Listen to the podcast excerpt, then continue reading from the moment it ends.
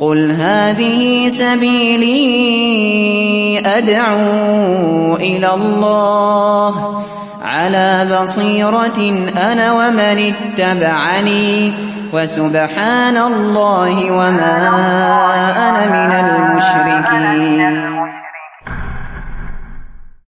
إن الحمد لله نحمده ونستعينه ونستغفره ونعوذ بالله من شرور أنفسنا ومن سيئات أعمالنا من يهده الله فلا مضل له ومن يضلل فلا هادي له.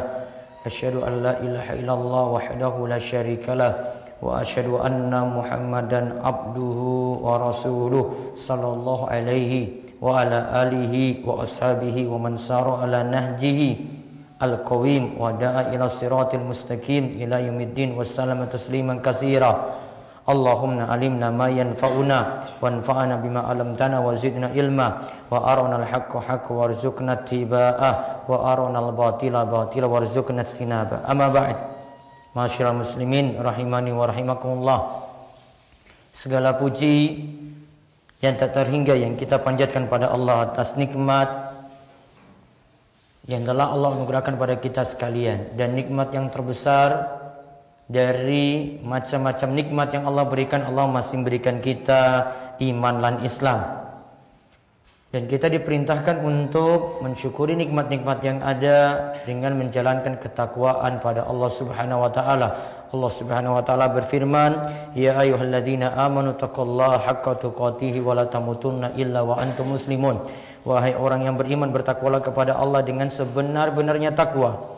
Dan janganlah kalian itu mati melainkan dalam keadaan menjadi seorang muslim. Salawat dan salam semoga tercurah kepada sayyid para nabi, nabi akhir zaman, rasul yang syariatnya telah sempurna, rasul yang mengajarkan perihal ibadah dengan sempurna kepada kita. Semoga salawat dan salam tercurah kepada Nabi besar kita Muhammad sallallahu alaihi wasallam kepada istri-istri beliau, para sahabat serta keluarga dan juga setiap orang yang mengikuti jejak beliau dengan baik hingga hari kiamat nanti. Masyaallah muslimin rahimani wa rahimakumullah. Dalam khutbah Jumat kali ini kita akan melihat pelajaran saking empat wanita yaitu istri Nabi Nuh, kemudian istri Nabi Lot, kemudian istri Fir'aun Asia, kemudian Maryam binti Imran, ibunda dari Nabi Isa alaihissalam. Allah sebutkan dalam tiga ayat dalam surat At-Tahrim ayat 10 sampai 12. Allah berfirman, "Daraballahu masalan lil ladzina kafaru imra'ata Nuhi wa imra'ata Lut." Kanata tahta abadaini min ibadina salihaini fakhanatahuma فخانتهما فلم يغنيا عنهما من الله شيئا. وكيل ادخلا النار مع الداخلين. وضرب الله مثلا للذين آمنوا امرأة فرعون. إذ قالت رب ابن لي عندك بيتا في الجنة. ونجني من فرعون وعمله. ونجني من القوم الظالمين. ومريم ابنة إمران التي أصنت فرجها. فنفخنا فيه من روحنا. وصدقت بكلمات ربها وكتبه. وكانت من القانتين. Allah membuat istri Nuh, permisalan istri Nuh dan istri Lut sebagai permisalan bagi orang-orang kafir. Keduanya berada di bawah pengawasan dua orang hamba yang soleh di antara hamba-hamba kami.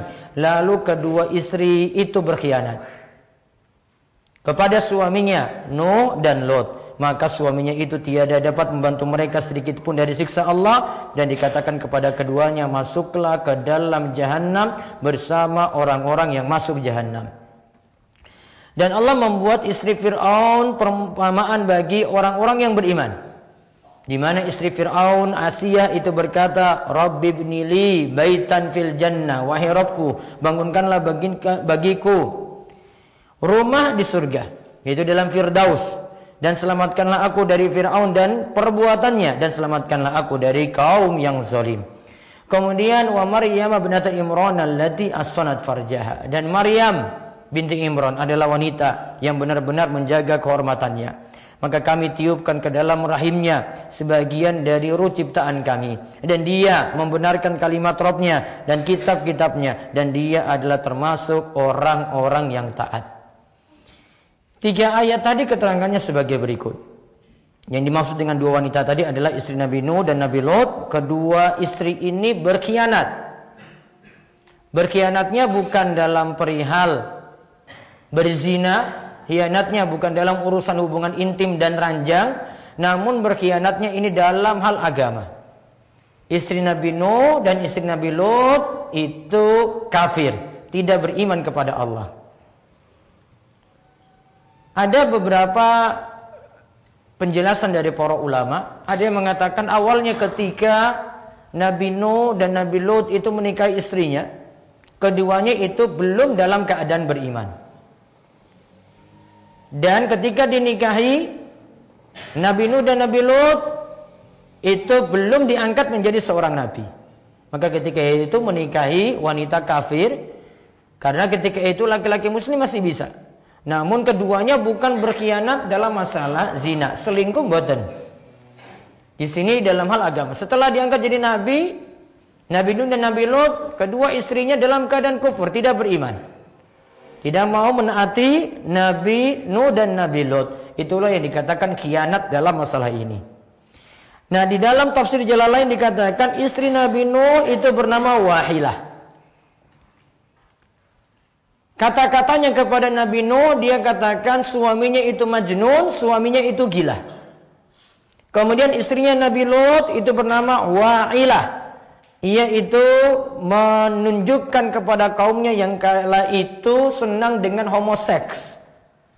Lanang senang karo lanang.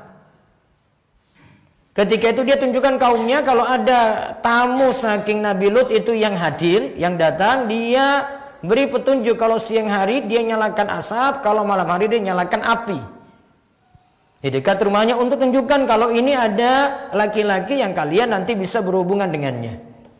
Nah ini istrinya Nabi Lut alaihissalam. Jadi keduanya ini tidak mau taat pada suaminya. Yang satu katakan suaminya itu majnun, gila. Yang satu itu berkhianat karena mendukung masyarakatnya yang senang dengan homoseks, yang senang dengan sama jenis ditunjukkan untuk tetap menyimpang. Nah, ini permisalan pertama untuk orang-orang kafir. Ada di situ istri Nabi Nuh dan istri Nabi Lot yang kafir. Dan nanti mereka karena pengkhianatannya ini, mereka akan masuk neraka jahanam bersama dengan kaum Nuh dan kaum Lot yang kafir.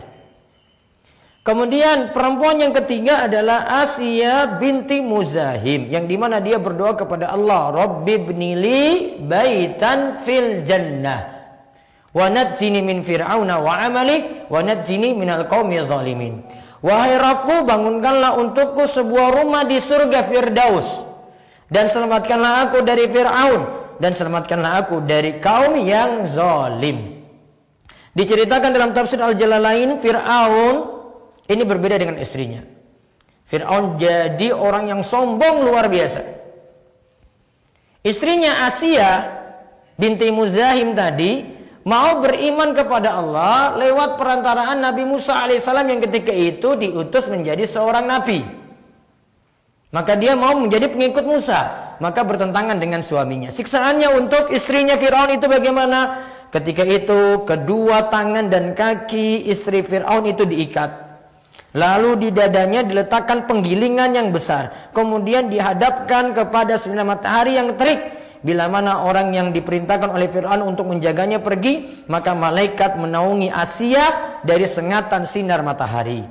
Maka Allah sifatkan Asia dengan orang yang beriman dan tunduk pada Robnya. Asia pun meminta kepada Allah supaya dimasukkan dalam surga dan diselamatkan dari orang-orang yang zolim.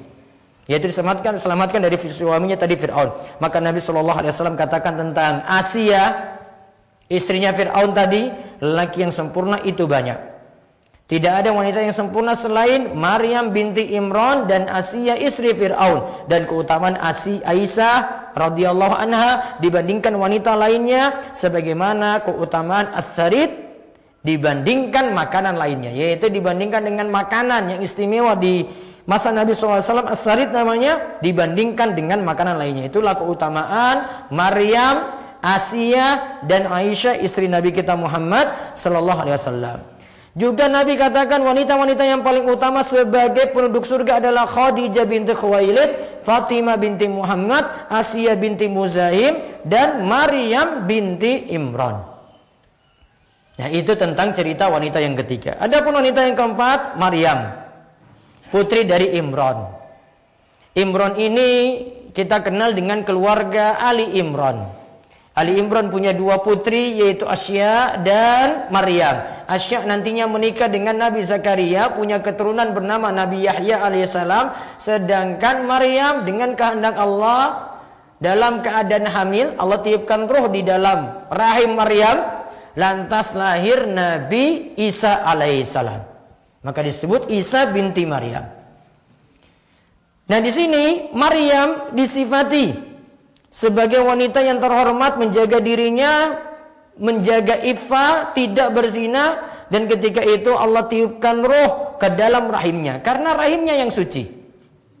Belum pernah ada yang pernah menyentuh laki-laki yang menyentuh Maryam binti binti Imron tadi.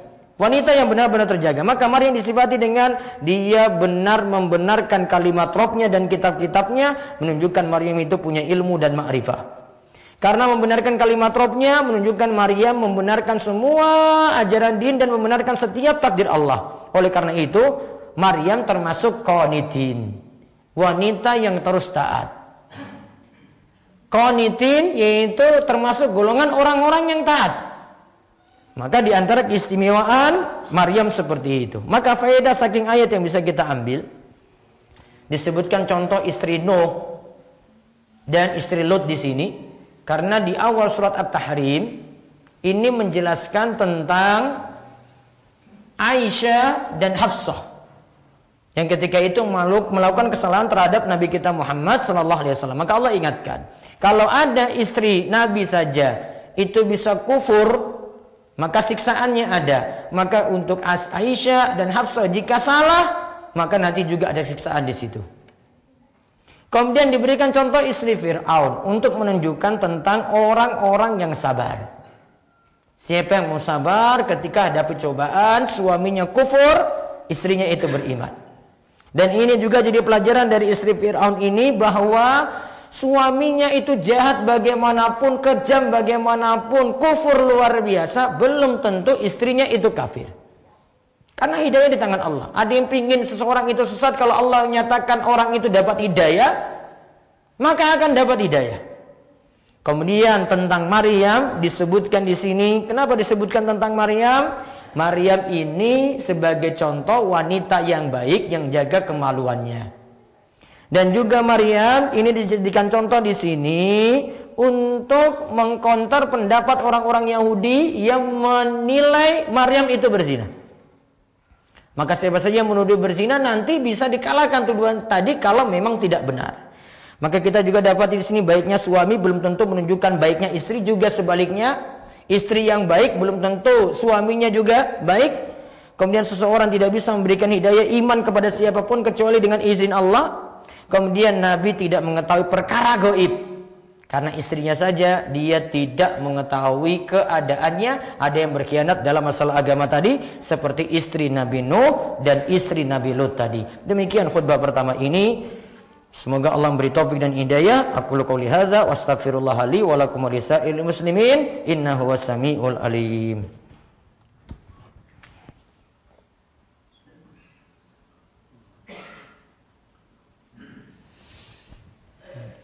الحمد لله رب العالمين والصلاة والسلام على أشرف الأنبياء والمرسلين نبينا محمد وعلى آله وصحبه أجمعين يا أيها الناس اتقوا ربكم الذي خلقكم من نفس واحدة وخلق منها زوجها وبث منهما رجالا كثيرا ونساء واتقوا الله الذي تساءلون به والأرحم إن الله كان عليكم ركيبا إن الله ملائكته يصلون على النبي يا أيها الذين آمنوا صلوا عليه وسلموا تسليما اللهم صل على محمد وعلى آل محمد كما صليت على إبراهيم وعلى آل إبراهيم إنك حميد مجيد. اللهم بارك على محمد وعلى آل محمد كما باركت على إبراهيم وعلى آل إبراهيم إنك حميد مجيد. اللهم اغفر للمسلمين والمسلمات والمؤمنين والمؤمنات الأحياء منه والأموات إنك سميع قريب مجيب دعوة. ربنا لا تزغ قلوبنا بعد إذ هديتنا وهب لنا من لدنك رحمة إنك أنت الوهاب. اللهم إنا نسألك الهدى والتقى والعفاف والغنى. اللهم اللهم اكفنا بحلالك عن حرامك واغننا بفضلك عن من سواك. اللهم احسن عاقبتنا في الأمور كلها واجرنا من هزي الدنيا وعذاب الاخرة. اللهم اصلح ولاة امورنا. اللهم وفقهم لما فيه صلاح ومصلح المسلمين. Allahumma abin anhum bitana tasu wal mufsidin wa qarrib ilaihim ahlal khairi wan nasihin ya rabbal alamin Rabbana hab lana min azwajina wa dzurriyyatina qurrata a'yun waj'alna lil muttaqina imama Rabbana atina fid dunya hasanah wa fil akhirati hasanah wa qina adzabannar wa sallallahu ala nabiyyina Muhammadin wa ala alihi wa sahbihi wa man tabi'ahum bi ihsan ila yaumiddin wa akhiru da'wana anil hamdulillahi rabbil alamin aqimus salat